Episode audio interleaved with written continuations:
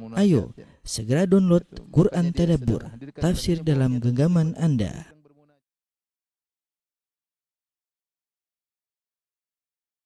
Bismillahirrahmanirrahim. Assalamualaikum warahmatullahi wabarakatuh.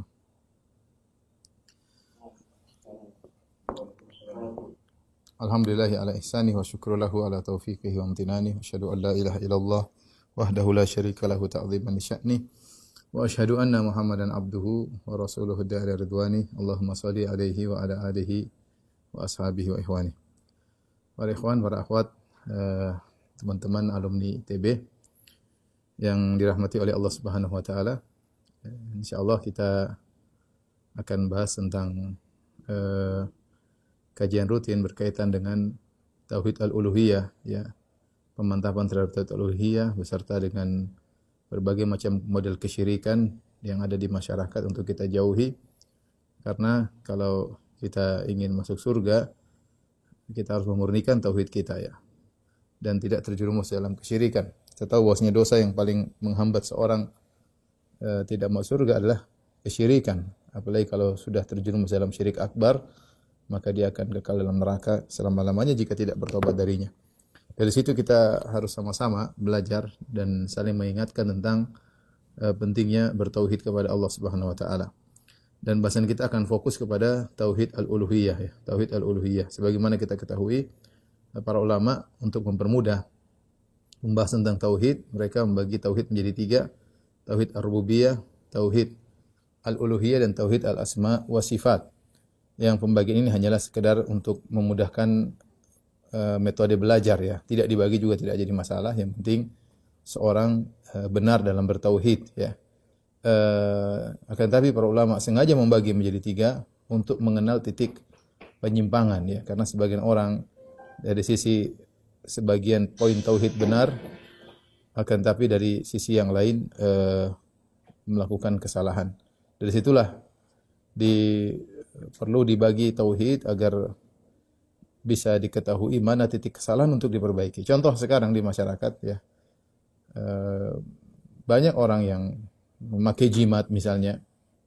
Dan dia menyangka itu bukan kesyirikan. Dia menyangka inilah sebab untuk meraih uh, keberkahan atau sebab untuk meraih kebaikan. Padahal kalau diteliti ini adalah model kesyirikan, ya.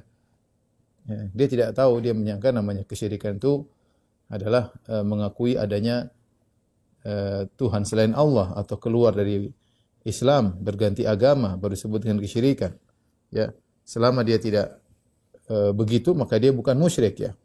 Contoh lagi betapa banyak orang pergi ke kuburan kemudian minta-minta ke penghuni kubur dan mereka menyangka itu bukan kesyirikan. Kata mereka kami hanya berikhtiar menempuh sebab bahwasanya orang soleh yang kita e, datangi di kuburan mereka hanyalah penyambung antara kami dengan Allah Subhanahu wa taala dan mereka menyangka itu bukan kesyirikan ternyata itu merupakan e, kesyirikan.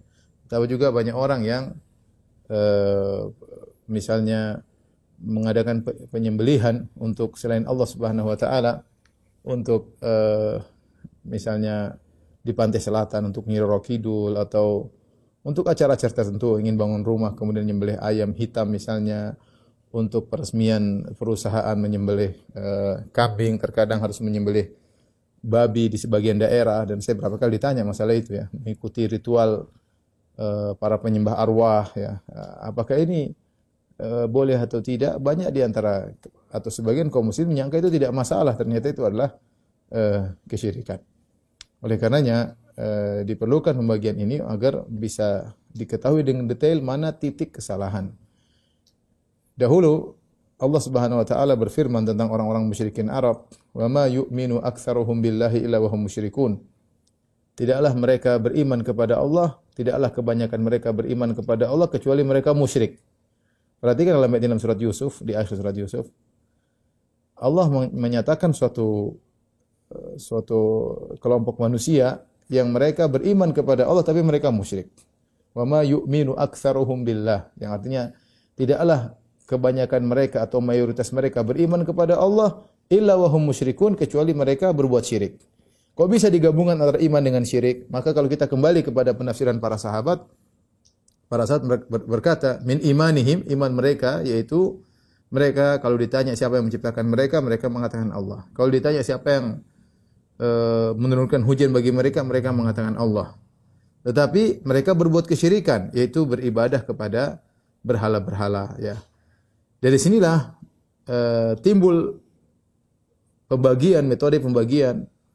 Ada iman, ada syirik. Kok bisa digabungkan iman dan syirik dalam satu waktu? Ternyata iman yang dimaksud oleh Allah tauhid rububiyah dan syirik yang dimaksud oleh Allah berkaitan dengan tauhid al-uluhiyah. Ya. ya. iman berkaitan dengan tauhid rububiyah yaitu iman mereka adalah mereka beriman yang menciptakan mereka adalah Allah, yang menciptakan alam semesta adalah Allah, yang menurunkan hujan adalah Allah. Kesyirikan yang mereka lakukan adalah ternyata mereka beribadah menyembah berhala-berhala yang mereka sembah. Dari sinilah perlu kita untuk menjelaskan pembagian tauhid ya dan kita akan fokus kepada tauhid uluhiyah agar kita bisa mengenal titik kesalahan kemudian uh, bisa kita perbaiki. Tapi saya akan jelaskan pembagian tauhid ya.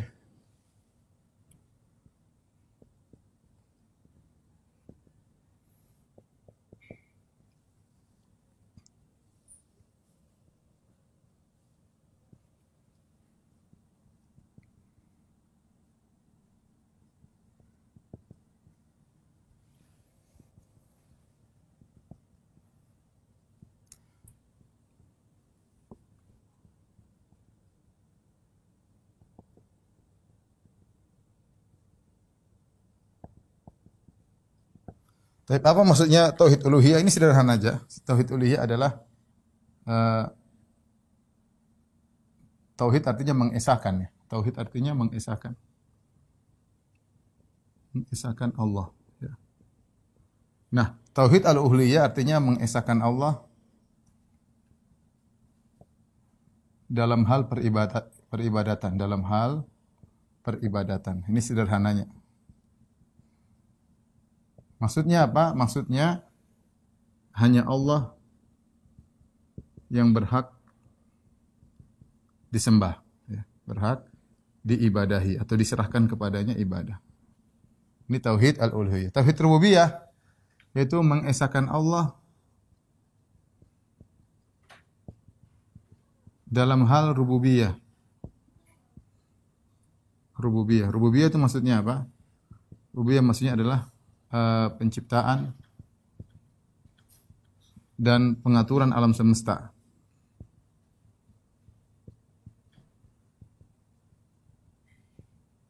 Yaitu meyakini hanya Allah yang menciptakan dan mengatur, yaitu hanya Allah sama dengan maksud saya sama dengan hanya Allah Allah Esa ya dalam penciptaan dan pengaturan.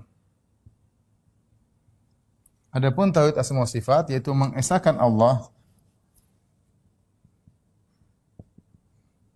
dalam hal nama-nama dan sifat-sifatnya. Maksudnya apa? Hanya Allah. Hanya Allah yang memiliki sifat-sifat sempurna tersebut. Ini sederhana uh, pembagian tauhid. Sebenarnya kita tidak perlu membagi karena ini sebenarnya satu kesatuan. Saya ulangi lagi kita membagi ini dalam rangka untuk lebih bisa detail memahami dan bisa mengetahui titik kesalahan, titik kesalahan. Sebagaimana uh, tadi saya sudah sebutkan dalam surat Yusuf, Allah Subhanahu wa taala berfirman, "Wa ma yu'minu aktsaruhum billahi illa wahum musyrikun. Artinya tidaklah kebanyakan mereka beriman, perhatikan ini. Wa ma yu'minu tidaklah kebanyakan mereka beriman mereka beriman illa wahum musyrikun melainkan mereka berbuat syirik melainkan mereka berbuat syirik. Nah, di sini jadi masalah. Allah menggabungkan iman dalam satu ayat syirik. Mereka beriman sekaligus syirik. Maka kalau kita buku tafsir, buka buku tafsir. Tafsir apa pun silakan Anda buka. Boleh tafsir Ibnu Jarir atau Bari, boleh tafsir uh, apa namanya? Ibnu Katsir, boleh juga tafsir uh, Al-Qurtubi dan yang lainnya. Maka akan dinukil perkataan para sahabat menjelaskan bahwasanya iman yang mereka imani di sini maksudnya adalah rububiyah. Maksudnya adalah rububiyah. Yaitu mereka meyakini hanya Allah yang menciptakan, hanya Allah yang uh, mengatur, menurunkan hujan, beri rizki, hanya Allah. Tapi mereka syirik dalam hal tauhid uluhiyah, yaitu mereka menduakan Allah atau mereka mensekutukan Allah dalam peribadatan. Selain mereka beribadah kepada Allah, ternyata mereka juga beribadah kepada selain Allah. Ketika terjadi kesalahan, ya, maka perlu penjelasan. Mana titik poin yang benar, mana titik poin yang yang salah. Ya, ini perlu kita jelaskan kepada uh, agar kita paham dan juga agar dipahami oleh masyarakat. Contoh seperti tauhid adalah semua sifat bahwasanya tidak ada yang berhak memiliki nama-nama terindah dan sifat-sifat terindah kecuali Allah. Tidak ada yang menyamai Allah Subhanahu wa taala. Tidak ada yang menyamai. Barang siapa yang meyakini ada yang memiliki sifat seperti sifat Allah, maka dia musyrik dalam tauhid al-asma wa sifat. Jadi dia tidak mentauhid, tapi dia mensyirikan Allah, mensekutukan Allah dalam sifat-sifat Allah Subhanahu wa taala. Jadi antaranya contoh meyakini bahwasanya dukun mengetahui ilmu gaib. Dukun mengetahui ilmu gaib. Orang yang meyakini dukun tahu ilmu gaib, ya, maka dia telah terjerumus dalam kesyirikan dalam tauhid al-asma sifat. Dari sisi mana?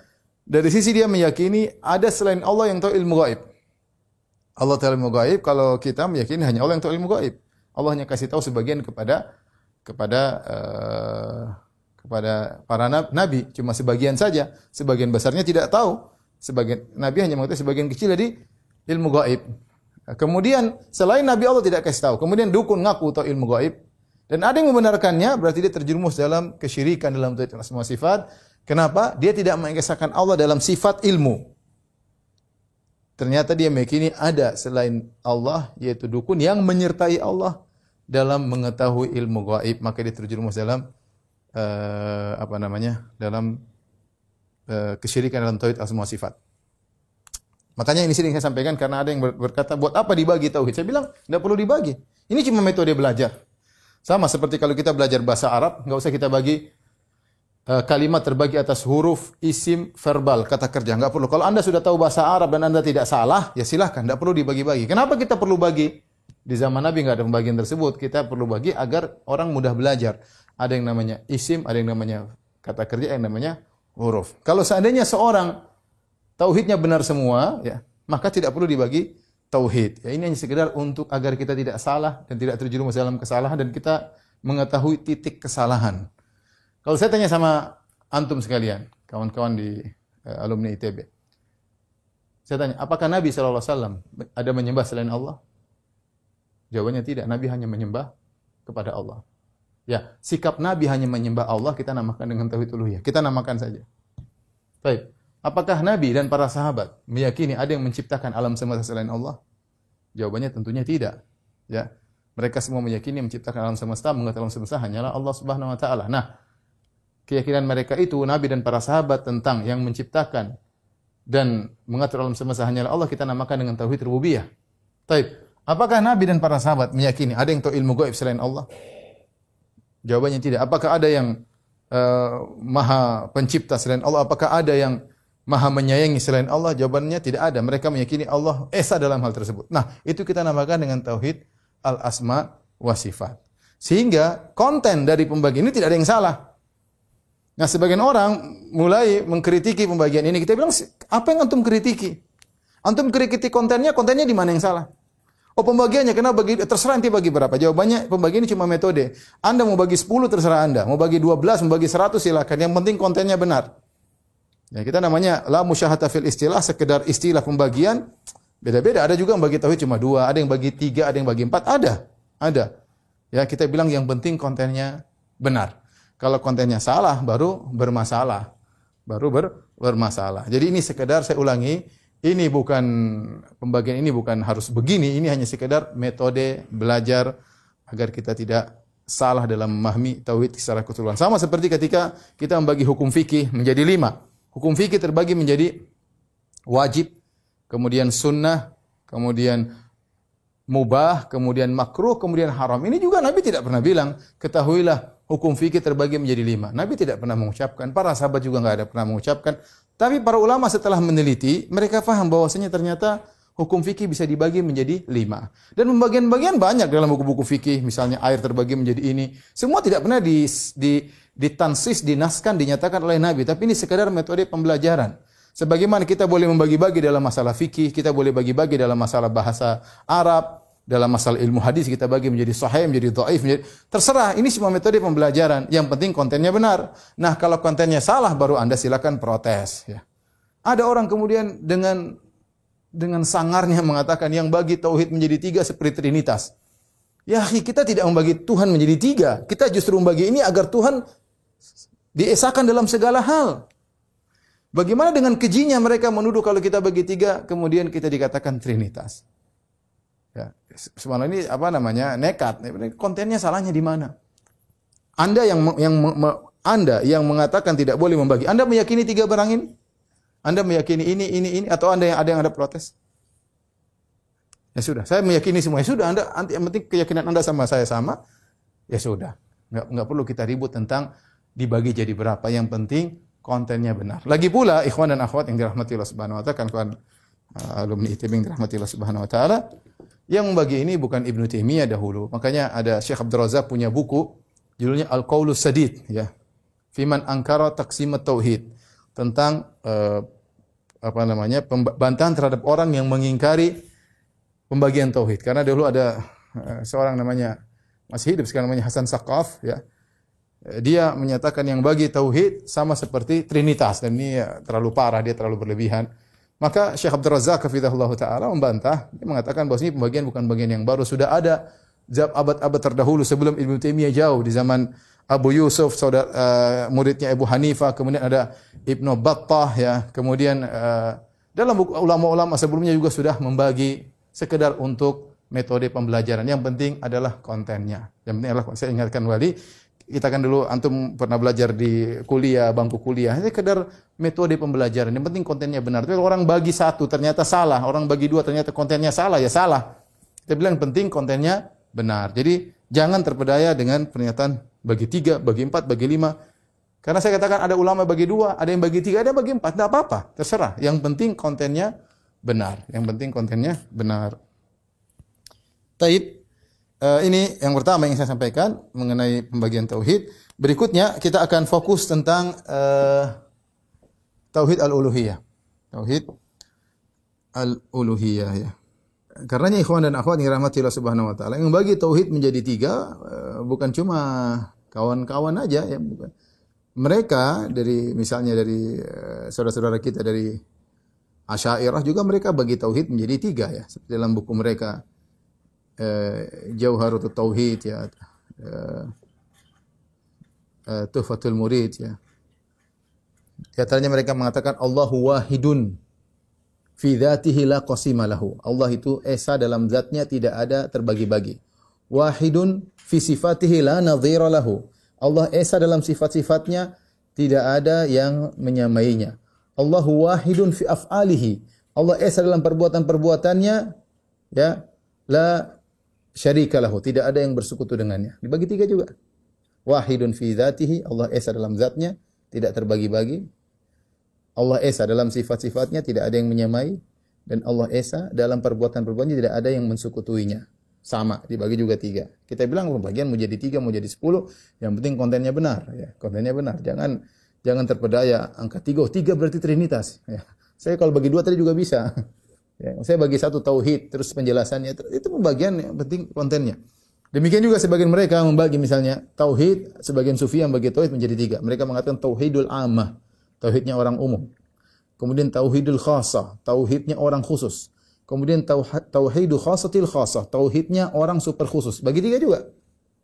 Bagi tiga juga. Tauhid orang awam, tauhid orang khusus, tauhid super khusus. Ya.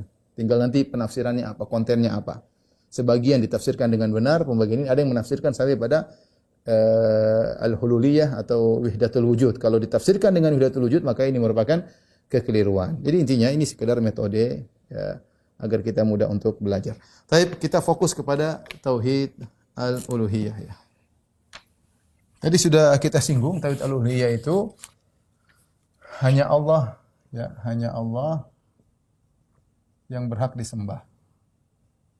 Yang berhak diibadahi. Tidak boleh kita beribadah kepada makhluk, kepada monyet, kepada hewan, kepada pohon, kepada bintang, kepada rembulan, bahkan kepada malaikat tidak boleh, bahkan kepada nabi tidak boleh. Hanya Allah yang berhak diibadahi karena Dia yang menciptakan alam semesta ini.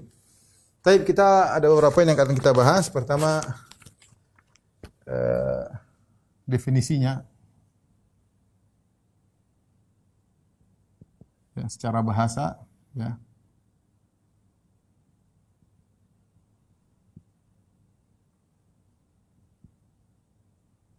kemudian secara istilah ya Adapun secara bahasa, secara bahasa dijelaskan oleh para ahli bahasa di antaranya Al-Jauhari dalam kitabnya Sahah, ya dia mengatakan al-uluhiyah, ya. Al-uluhiyah adalah masdar dari masdar dari alaha ya'lahu. Ya, al-uluhiyah. Ini dalam kitabnya As-Sahah ya. Uh, alaha ilaha. Jadi alaha masdarnya uh, ilaha. Alaha ilaha. Jadi tauhid al-uluhiyah atau tauhid al-ilahiyah sama saja ya. Alaha ilaha. Apa maknanya alaha ilaha? Maknanya adalah abada ibadah. Abada ibadah. Ibadah. Jadi abada ibadah. Uh, dia wazannya uh, fi'al maknanya uh, kemudian uh, uluhiyah kemudian Allah ya dari situ kata al jauhari kata al Allah Allah itu diambil dari al ilah al ilah kemudian menjadi Allah sementara ilah sendiri ya wazannya fi'al maknanya uh, al ma'bud ya maknanya uh, al ma'bud yang disembah. Yang disembah ya. Seperti saya tadi lupa wazan fi'al maknanya maf'ul. Ya. Ini contohnya banyak seperti apa? Kitab maknanya maktub. Ya. ya. Kitab maknanya maktub, ada disebut juga imam maknanya mu'tambihi. Jadi Allah secara bahasa artinya adanya adalah al-ma'bud. Al-ma'bud yang disembah. Berkata Ibnu uh, Ibnu Abbas, kalau Ibnu Abbas dinukir oleh uh, oleh Ibnu Jarir At-Tabari, uh, beliau mengatakan Allah Zul uluhiyah wal ma'budiyah ala khalqihi ajmain. Kalau kita artikan dalam bahasa Indonesia artinya Allah itu pemilik peribadatan dan yang yang berhak disembah Allah pemilik peribadatan yang berhak disembah atas seluruh makhluknya atas seluruh makhluknya.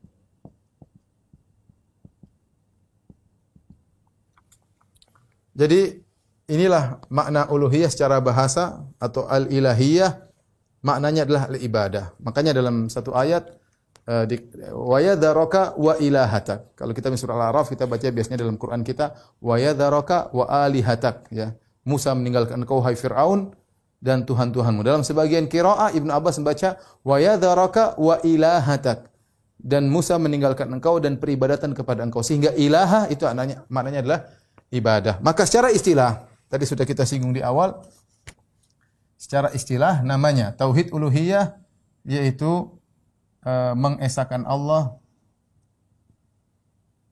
mengesahkan Allah dalam peribadatan. Itu semua ibadah hanya untuk Allah. Hanya untuk Allah, ya. Kita selalu dalam salat kita kita mengatakan karena abud. Wa iyyaka nasta'in. Iyyaka na'bud itu kalau kita terjemahkan bahasa Indonesia artinya hanya engkau hanya engkau yang kami sembah. Yang kami ibadahi, yang kami ibadahi, ya. Jadi iyyaka na'bud ini adalah uslub metode dalam bahasa Arab yang memberi faedah pembatasan yaitu artinya hanya engkau yang kami sembah, bukan kami beribadah kepada engkau. Kalau kami beribadah kepada engkau harusnya na'buduka. Kami beribadah kepada engkau, yaitu uh, eh, SPO, subjek predikat objek. Kami beribadah kepada engkau. Iyaka. Ka. Tetapi ketika objeknya dimajukan, iyaka, objek baru subjek predikat, ketika objek dimajukan dalam bahasa Arab maka memberi faedah pembatasan yaitu hanya kepada engkau. Sehingga makna iyaka na'bud beda dengan na'buduka. Kalau na'buduka SPO kami menyembah engkau, bisa berarti kami menyembah yang lainnya. Menyembah Allah juga menyembah makhluk. Tetapi ketika kita rubah, kata Allah mendatangkan dengan metode iyyaka na'bud, di mana objeknya didahulukan, berarti menunjukkan yang diibadahi hanya Allah. Artinya hanya kepada Engkau kami beribadah. Inilah uh, sederhananya tentang tauhid al-uluhiyah ya, tentang tauhid al-uluhiyah yaitu hanya Allah ibadah hanya untuk Allah Subhanahu wa taala. Dari sini, apa lawannya? Lawan dari tauhid al-uluhiyah.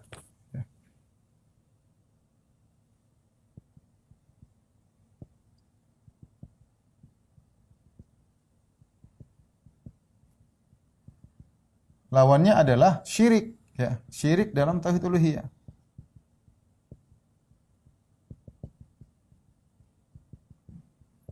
Kapan dikatakan syirik? Kapan dikatakan syirik?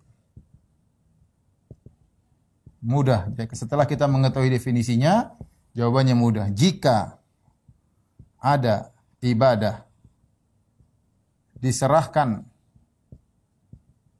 kepada selain Allah, maka itu syirik. Kita tidak lagi mengesahkan Allah, tapi kita mensekutukan Ya, karena syirik artinya mensekutukan. Syirik artinya mensekutukan, menduakan. Mensekutukan. Atau menduakan ya. Menigakan, mengempatkan. Dia mensekutukan.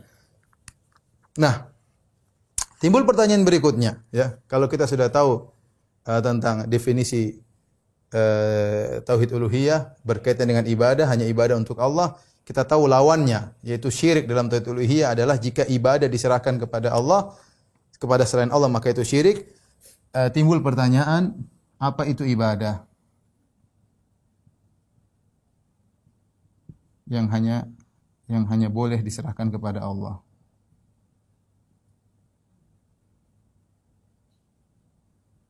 Nah, ini banyak ya. Ini banyak ibadah itu banyak dijelaskan dalam Al-Qur'an dalam hadis-hadis Nabi sallallahu alaihi wasallam. Ibadah contohnya doa ya, contohnya bernazar, contohnya menyembelih ya, ini ibadah. E, contohnya e, berharap, contohnya tawakal, ya banyak sekali ya model-model ibadah yang tidak boleh kita serahkan kecuali hanya kepada Allah.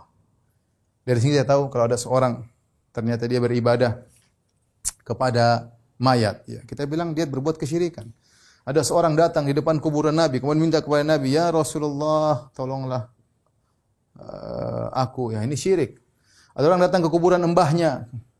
Mbah, saya sudah lama menikah, tidak punya anak. Mbah, tolong bantu saya. Syirik. Kenapa? Karena itu adalah ibadah, itu adalah doa. Itu adalah doa. Ya. Ketika seorang dalam kondisi genting, kemudian dia berkata, Ya Abdul Qadir Jailani, agisni, wahai Abdul Qadir, tolonglah aku. Itu syirik. Kenapa? Karena dia minta kepada berdoa kepada selain Allah Subhanahu wa taala.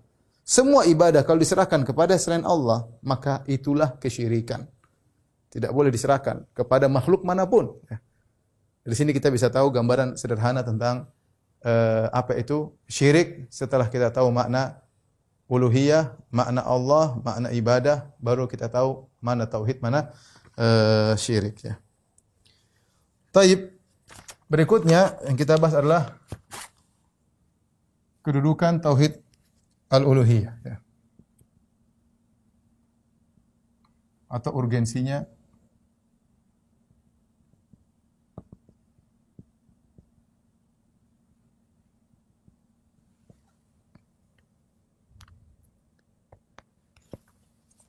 Yang pertama di antara urgensinya tauhid uluhiyah uh, mengandung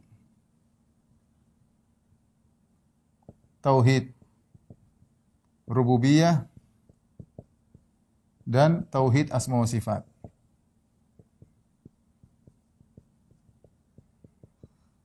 Logikanya bagaimana? Logikanya uh, karena yang berhak disembah, logikanya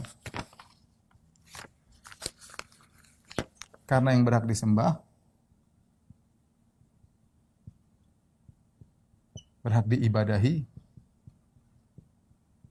adalah yang esa dalam rububiyah dan esa dalam as sifat. Esa dalam rububiyah maka dia yang berhak diibadahi. Karena kita tahu Allah yang menciptakan alam semesta hanya Allah, maka dia yang berhak disembah.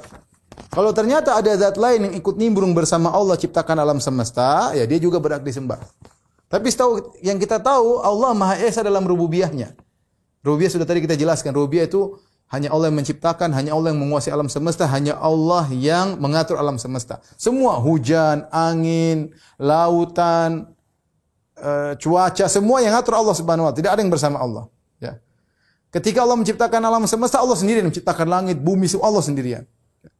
Makanya kalau orang sudah beribadahnya kepada Allah, berarti dia sudah mengakui secara tidak langsung dia sudah mengakui bahwasanya yang saya sembah ini memang dia esa dalam rububiyah dan esa dalam asma sifat. Asma sifat maksudnya sifat-sifat dia yang maha. Allah maha kuat, tidak ada yang menyamai kekuatan Allah. Allah maha mendengar, tidak ada yang menyamai pendengaran Allah. Allah maha melihat, Allah maha mengetahui.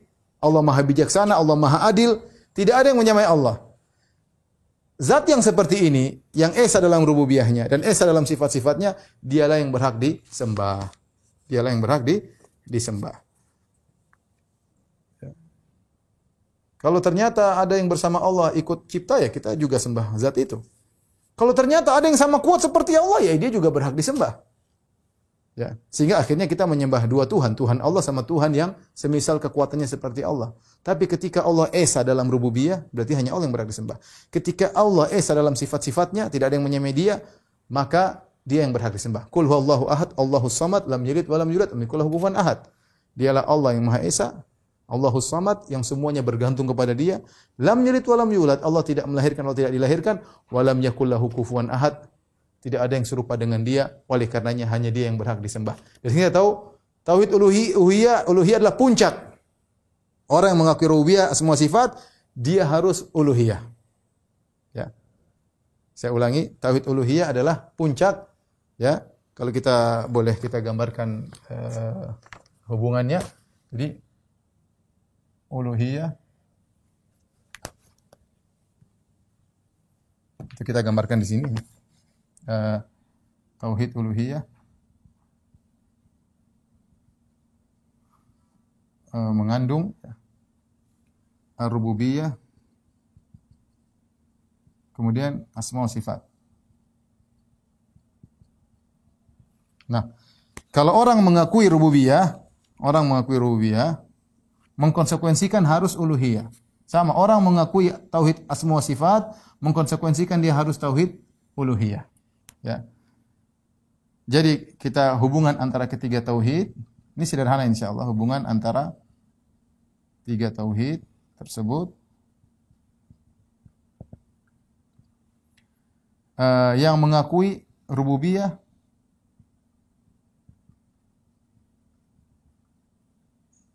dia harus tauhid uluhiyah. Ya, karena kalau dia tak mengakui hanya Allah yang mencipta, kalau gitu yang disembah cuma Allah, ngapain sembah yang lain? Sama. Yang mengakui asma sifat, tauhid asma sifat,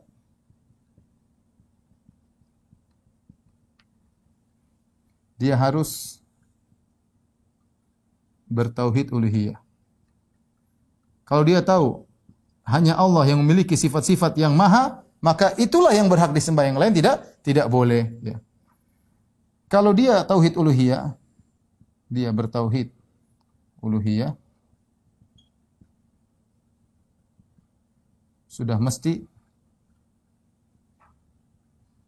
dia bertauhid rububiyah dan asma wa sifat.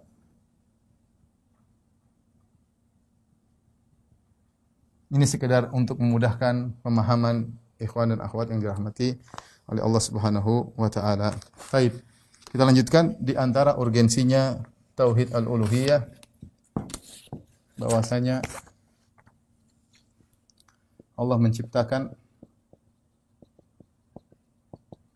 jin dan manusia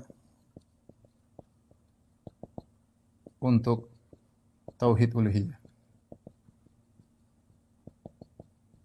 Allah berfirman dalam Al-Qur'an ya, "Wa ma khalaqtul jinna wal insa illa liya'budun." Liya'buduni. Ya, artinya tidaklah aku ciptakan, tidak aku ciptakan jin dan manusia kecuali untuk beribadah kepadaku kepadaku. Jadi ternyata tujuan kita diciptakan oleh Allah Subhanahu wa taala untuk ini, untuk bisa beribadah kepada Allah. Sehingga tauhid uluhiyah adalah tujuan dari penciptaan manusia dan jin, ya. Karena kita ditugaskan hidup di atas muka bumi untuk beribadah hanya kepada Allah Subhanahu eh, wa taala, ya. Dari situ ya, dari situ di antara urgensinya kitab uh, tauhid uluhiyah intisari dakwah para nabi adalah tauhid uluhiyah. Apakah para nabi tidak membahas tauhid rububiyah? Ya mereka bahas juga, tetapi intisari mereka adalah tauhid uluhiyah. Kenapa? Karena kebanyakan umat mereka mengakui adanya Allah seperti kaum Nabi Saleh, kaum Nabi Nuh, kaum Nabi Hud ya. Kaum Nabi Ibrahim cuma saja mereka beribadah kepada selain Allah Subhanahu wa taala. Makanya Allah berfirman dalam Al-Qur'an, "Wa laqad ba'atsna fi kulli ummatin rasulan." Wa laqad ba'atsna fi kulli ummatin rasulan. Ani abudullah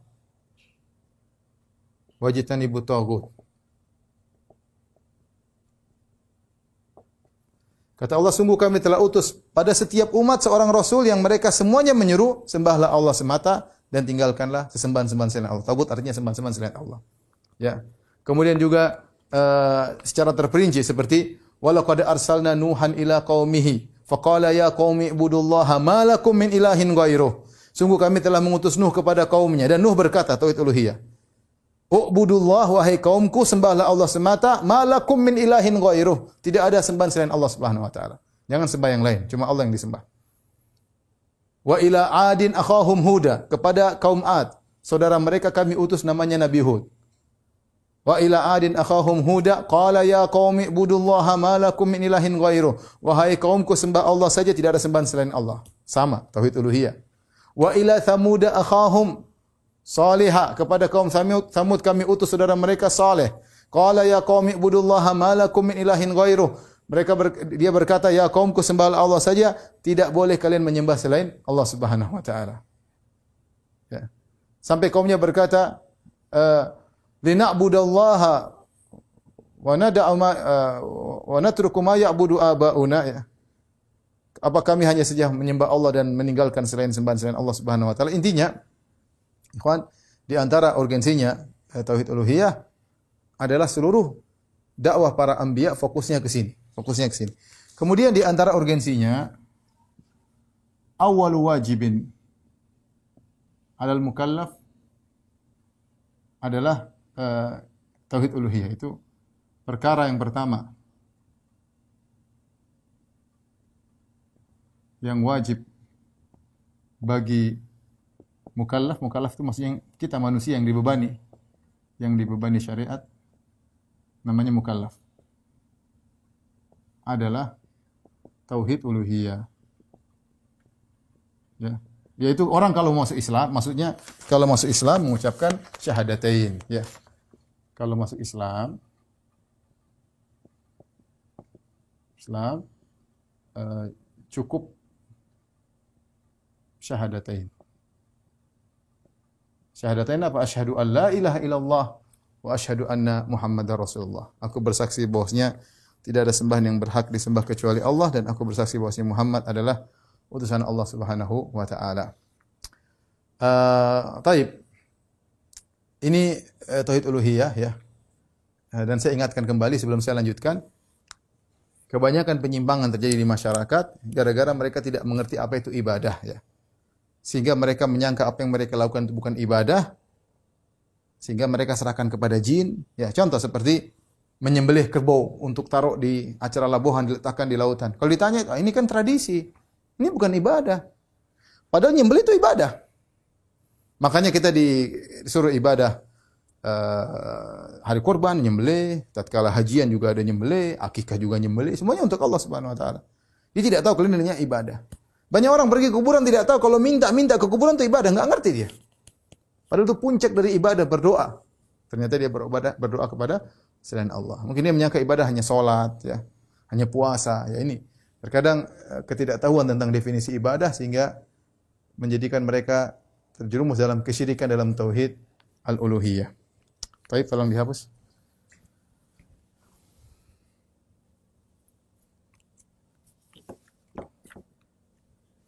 Kita masih ada dua pembahasan. Pembahasan pertama tentang bagaimana pendalilan Al-Quran dalam menetapkan tauhid uluhiyah. Kemudian terakhir kita akan bahas tentang uh, bagaimana uh, sebagian kelompok yang tidak begitu perhatian terhadap tauhid uluhiyah. Ketidakperhatian mereka terhadap tauhid uluhiyah menjadikan sebagian pengikutnya mudah terjerumus dalam syirik dalam tauhid al-uluhiyah ya. Tapi adapun berikutnya metode Quran ya. Metode Al-Quran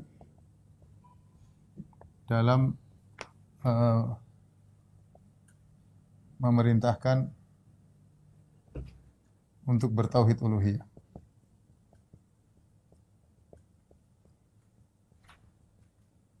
Di antaranya kita sebutkan tiga, yaitu Al-Quran berdalil dengan pengakuan terhadap pengakuan terhadap rububiyah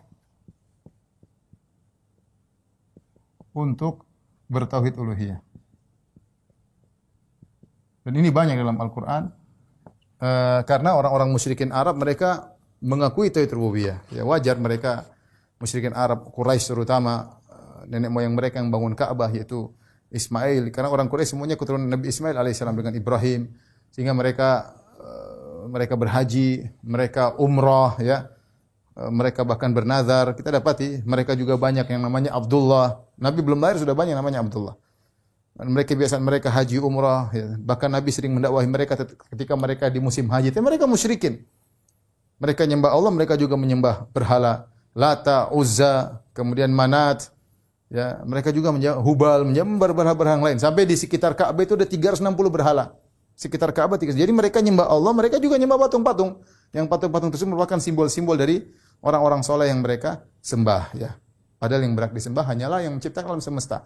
Makanya di antara metode Al-Quran menyuruh mereka untuk meninggalkan kesyirikan, Al-Quran memanfaatkan pengakuan mereka terhadap rububiyah. Ya, contohnya dalam firman Allah surat Al-Baqarah ayat 21, Ya ayuhan nasu budu rabbakumul ladzi khalaqakum walladzina min qablikum la'allakum tattaqun. Alladzi ja'ala lakumul arda firasha was samaa'a binaa'a wa anzala minas samaa'i ma'an fa akhrajahu bihi min min thamarati rizqan lakum fala taj'alu lillahi andada wa antum ta'lamun. Kata Allah wahai manusia sekalian, sembahlah Rabb kalian saja yang telah menciptakan kalian, yang rububiyah. Yang menciptakan cuma Allah. Apakah ada zat lain menciptakan kalian? Tidak ada. Yang telah menciptakan nenek moyang kalian, Allah juga. Yang menurunkan hujan dari langit cuma Allah. Yang menumbuhkan tumbuhan cuma Allah Subhanahu wa taala. Yang meninggikan langit, yang membentangkan bumi, siapa? Allah. Mereka bilang Allah. Kalau begitu, fala taj'alulillahi andada wa antum ta'lamun. Jangan ambil tandingan-tandingan untuk kalian ibadahi, sekutu-sekutu bagi Allah padahal kalian tahu yang menciptakan hanyalah Allah Subhanahu wa taala. Dan ini banyak dalam Al-Qur'an metode ini. Ya.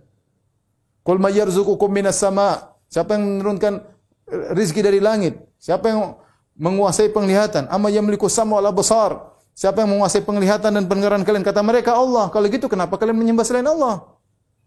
Kalau kalian tahu rububiyah, kalian akui hanya Allah, kenapa kalian menyembah selain Allah? Sehingga Allah sering berdalil tentang pengakuan terhadap mereka terhadap rububiyah agar mereka bertauhid dalam tauhid uluhiyah. Ya. Makanya di antara dosa paling besar syirik kenapa? Kata Nabi sallallahu alaihi wasallam ketika ditanya, "Ayu dzambi a'zam?"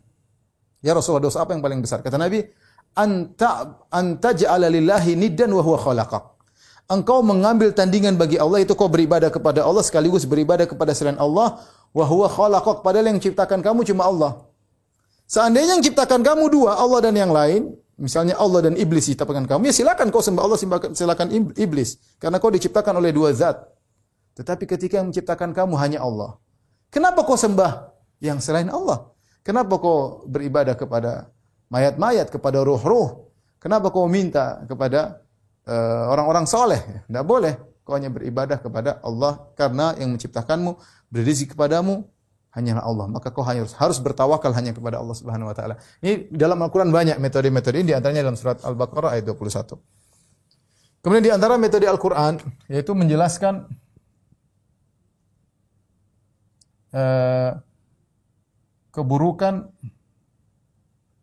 atau ketidakmampuan sesembahan-sembahan selain Allah. Ini juga banyak dalam Al-Qur'an ya. Tabarakalladzi nazzal al-furqana ala abdi liyakun lil alamin nadhira alladzi lahu mulku samawati wal ardi wa lam yattakhidh waladan wa lam yakul lahu syarikun fil mulk wa khalaqa kulla syai'in faqaddarahu taqdira wattakhadhu min dunillahi alihatan la yamlikuna syai'an ya. la yam, la yakhluquna syai'an ya. Mereka menjadikan tuhan-tuhan selain Allah yang tidak menciptakan apa ya tidak memberi mudarat tidak memberi uh, manfaat ya disembah-sembahan selain Allah. Tidak berhak untuk disembah. Sementara Allah menciptakan alam semesta. Jadi Allah menjelaskan tentang uh, sesembahan-sembahan yang tidak memiliki kemampuan. Seperti Nabi Ibrahim berkata kepada ayahnya, "Ya abati lima ta'budu ma la yasma'u wa la yubsiru wa la syai'a." Wahai ayahanda, kenapa kau menyembah berhala yang tidak bisa mendengar, tidak bisa melihat, tidak bisa bicara sama kamu, tidak bisa nolong kamu sama sekali? Ngapain disembah? Ngapain di disembah? Ini contoh seperti juga firman Allah Subhanahu wa taala, "Qul lidu alladzina za'amtum min dunihi fala yamlikuna kashfa dhurri ankum wala tahwila." Katakanlah yang kalian sembah selain Allah tidak bisa mengangkat kemudaratan dari kalian, tidak bisa merubah kondisi kalian. Ya. Qul lidu alladzina za'amtum min dunillahi la yamlikuna mithqala dzarratin fil ardi wala fis sama'. Wa ma lahum fihi min syirkin wa ma lahum minhum min dhahir. Wa la tanfa'u syafa'atu indahu illa man adzina lah. Kata Allah, katakanlah Ya, serulah sembahan-sembahan yang kalian sembah selain Allah. Apakah mereka memiliki suatu di alam semesta ini? Apakah mereka pernah menciptakan lalat? Apakah mereka pernah menciptakan bibijian? Apakah mereka pernah menciptakan tumbuhan? Tidak ada yang kalian sembah itu tidak ada yang pernah menciptakan. Kalian sembah siapa saja. Mau Nabi Isa, mau Nabi Muhammad SAW, mau malaikat, ya. Tidak ada yang pernah menciptakan satu biji pun di alam semesta ini. Yang ciptakan Allah Subhanahu Wa Taala. Wa malahum fihi min syirkin dan mereka tidak pernah ikut serta bersama Allah dalam mengatur langit dan bumi, dalam menciptakan langit dan bumi. Tidak pernah mereka punya jasa dalam menciptakan langit dan bumi atau mengatur alam semesta, tidak ada. Wa malahu minhum min zahir dan Allah tidak pernah minta bantuan dari mereka sama sekali. Ya, Allah bantah mereka. Jadi sembahan-sembahan kalian tidak bisa uh, tidak bisa membantu sama sekali. Bahkan kata Allah Subhanahu wa taala, "Ya ayuhan nasu duriba mathalun fastami'u lah. Innal ladzina tad'una min dunillahi la yamlikun la, la yakhluqu dzubaban wa la yajtama'u lah." Wahai wahai ya, manusia sekalian dibuat perumpamaan kepada kalian, sungguhnya yang kalian sembah selain Allah itu tidak mampu menciptakan seekor lalat, hewan yang hina. Mereka bersatu padu ngumpul, tidak bisa ciptakan seekor lalat itu saya yang ciptakan kata Allah Subhanahu wa taala. Ya. Min dunihi ma yamlikuna min qitmir. In tad'uhum la yasma'u du'aahum. In tad'uhum la yasma'u du'aakum walau sami'u mastajabu lakum. Wa yaumal qiyamati yakfuruna bi syirkikum wa la yunabbi'uka mithlu khabir. Kata Allah yang kalian sembah itu tidak memiliki kitmir. Kitmir itu apa? Kulit ari yang ada pada yang ada pada uh, biji biji korma. Kalau kita makan korma ada bijinya, ada kulit arinya. Itu yang ciptakan Allah. Mereka tidak bisa ciptakan ini kata Allah Subhanahu wa taala. Ya. Dan mereka tidak akan mendengar doa kalian. Tidak akan dengar. Kalau mereka pun dengar, mereka tidak akan bisa jawab doa kalian. Dan pada hari kiamat mereka akan berlepas diri dari ibadah yang kalian lakukan. Ini contoh di antara eh, Allah menjelaskan tentang keburukan atau ketidakmampuan yang disembahnya. Bagaimana kita menyembah makhluk semisal kita? Ya, maka bertauhid dalam tauhid uluhiyah. Ya. Yang terakhir Allah ingatkan ya, kepada kaum musyrikin musyrikin Arab bahwa mereka dalam kondisi genting mereka bertauhid.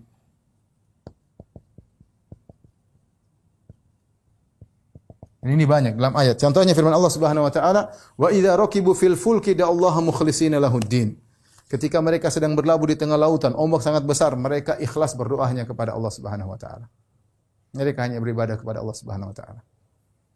Nah, oleh karenanya di zaman kakeknya Nabi Muhammad SAW ketika Raja Abraha datang ingin menghancurkan kota Mekah. Mana? Mereka meninggalkan sembahan-sembahan mereka semua, mereka ke Ka'bah berdoa kepada Allah Subhanahu wa taala ketika itu. Dalam kondisi genting, mereka bertauhid. Falamma najjahum ilal barri idza hum yusyrikun. Tatkala diselamatkan ke daratan, tiba-tiba syirik kembali. Maka Allah ingatkan, kalian kan pernah bertauhid. Maka lakukanlah tauhid tersebut dalam kondisi genting maupun dalam kondisi lapang. Jangan jangan dalam kondisi lapang malah minta-minta kepada berhala-berhala yang lain. Ini di antara metode uh, Al-Quran dalam uh, memerintahkan tauhid. Terakhir kita ingin menyinggung ya di antara sebab ya uh, sebab tersebarnya kesyirikan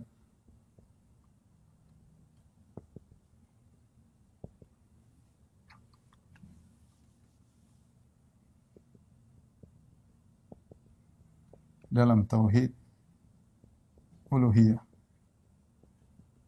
Di antara sebabnya yaitu uh, salah dalam mendefinisikan dalam mendefinisikan makna Allah atau al-ilah.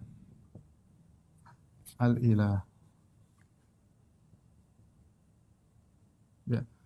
Kita dapati dalam buku-buku sebagian Eh, buku-buku seperti buku kaum Asy'ariyah ya dinukil oleh Al-Baghdadi. Abdul Qadir Al-Baghdadi kemudian dinukil juga oleh misalnya Syahristan dalam kitabnya Milal wa Nihal. Mereka menukil dari Abu Hasan Al-Asy'ari rahimahullahu taala mengatakan bahwasanya uh, apa namanya la ilaha illallah la ilaha illallah ay la qadira alal ikhtira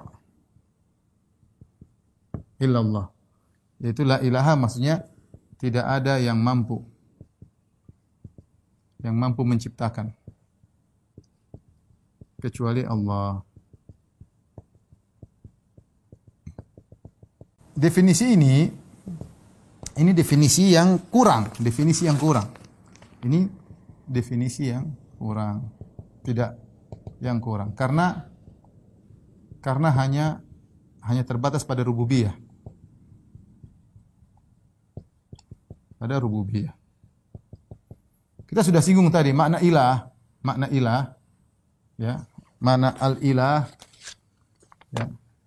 Dalam kamus-kamus dulu semuanya diartikan dengan ma'bud ya. Al-ma'bud yang disembah. Disembah. Yang disembah, bukan yang menciptakan. Al-ilah itu maksudnya yang disembah ya. Tidak ada yang disembah kecuali Allah. Yang disembah.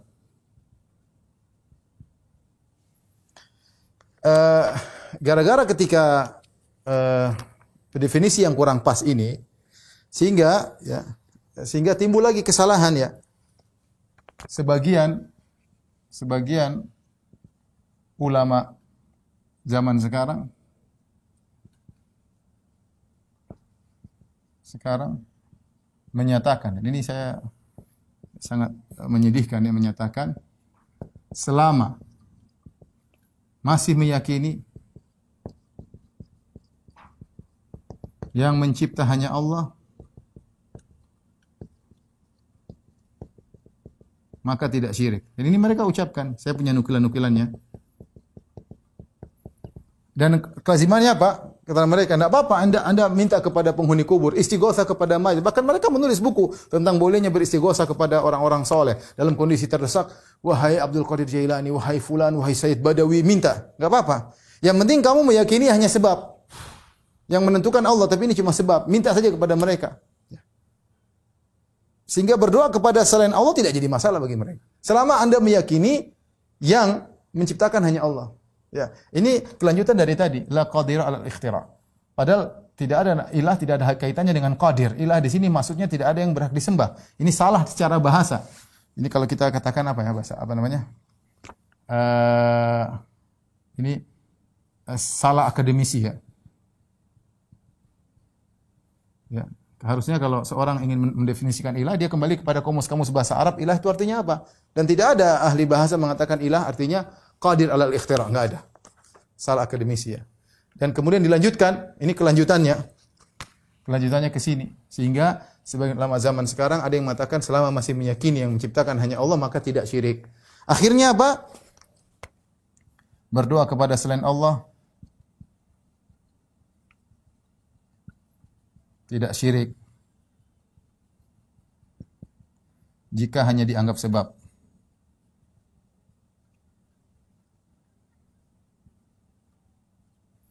Pakai jimat tidak syirik.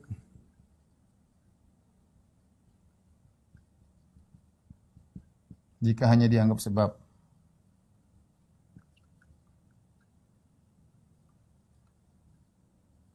Sebagian orang pergi ke dukun tidak syirik.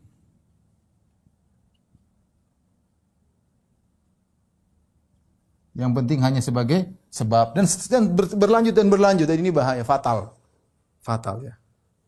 Oleh karenanya banyak orang bertawakal kepada selain Allah Subhanahu wa taala ya. Padahal larang-larangan sudah ada. Menyembelih kepada selain Allah enggak apa-apa, yang penting uh, tidak syirik. Uh, kemudian uh, di antara sebab sebenarnya dalam tauhid uluhiyah ya uh, mereka tidak kembali kembali kepada penjelasan ulama-ulama salaf atau jangan ulama-ulama asyairah terdahulu ya.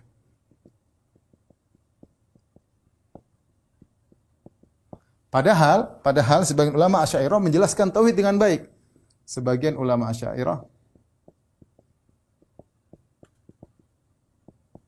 menjelaskan tentang tauhid uluhiyah dengan baik. Dengan baik ya. Di antaranya seperti Al-Baqilani ya. Dia menjelaskan tentang tauhid berdoa kepada selain Allah tidak boleh. Dia menjelaskan doa kepada selain Allah syirik. Ya, doa kepada selain Allah syirik. Di antaranya misalnya Al-Hulaimi, Al-Halimi, Al-Halimi dalam kitabnya Al-Minhaj Syarah Syu'abil Iman juga menjelaskan doa kepada Allah syirik. Contohnya Ar-Razi. Ar-Razi dalam tafsirnya ya. Menjelaskan tentang pengagungan kepada kepada penghuni kubur. Ya. Eh, kesyirikan atau sarana kesyirikan. Ya, sarana kesyirikan. Seandainya mereka kembali kepada pembahasan para ulama terdahulu yang berkaitan dengan uh, tauhid uluhiyah tentu mereka akan mendapatkan jawabannya. Tapi kenyataannya sekarang uh, saya dulu aja cerita tentang saya ketika saya masih SMP atau SMA saya tidak ngerti apa itu syirik. Saya tidak ngerti. Menurut saya namanya syirik itu kalau uh, keluar pindah agama itu baru syirik. Atau meyakini Tuhan tidak ada atau meyakini ada dua Tuhan itu baru syirik. Adapun terbentik terbetik dalam benak kalau misalnya pergi kuburan kuburan syirik enggak ada yang enggak ada yang pernah jelaskan. Enggak ada yang pernah jelaskan. Sehingga namanya la ilaha illallah tidak ada Tuhan selain Allah, tidak ada pencipta selain Allah. Itu yang sering kita pahami. Apa itu la ilaha illallah? Tidak ada pencipta selain Allah. Dan ini adalah awal dari kesalahan. Ini makna sudah benar tapi kurang kurang lengkap. Allah alam bisawab. Uh, ini saja yang saya sampaikan pada kesempatan kali ini. Uh, mudah-mudahan bisa di paham. Demikian saja uh, pada kawan-kawan alumni ITB yang saya sampaikan. Semoga bermanfaat. Kurang lebihnya saya mohon maaf. Wabillahi taufiq walhidayah. Assalamualaikum warahmatullahi wabarakatuh.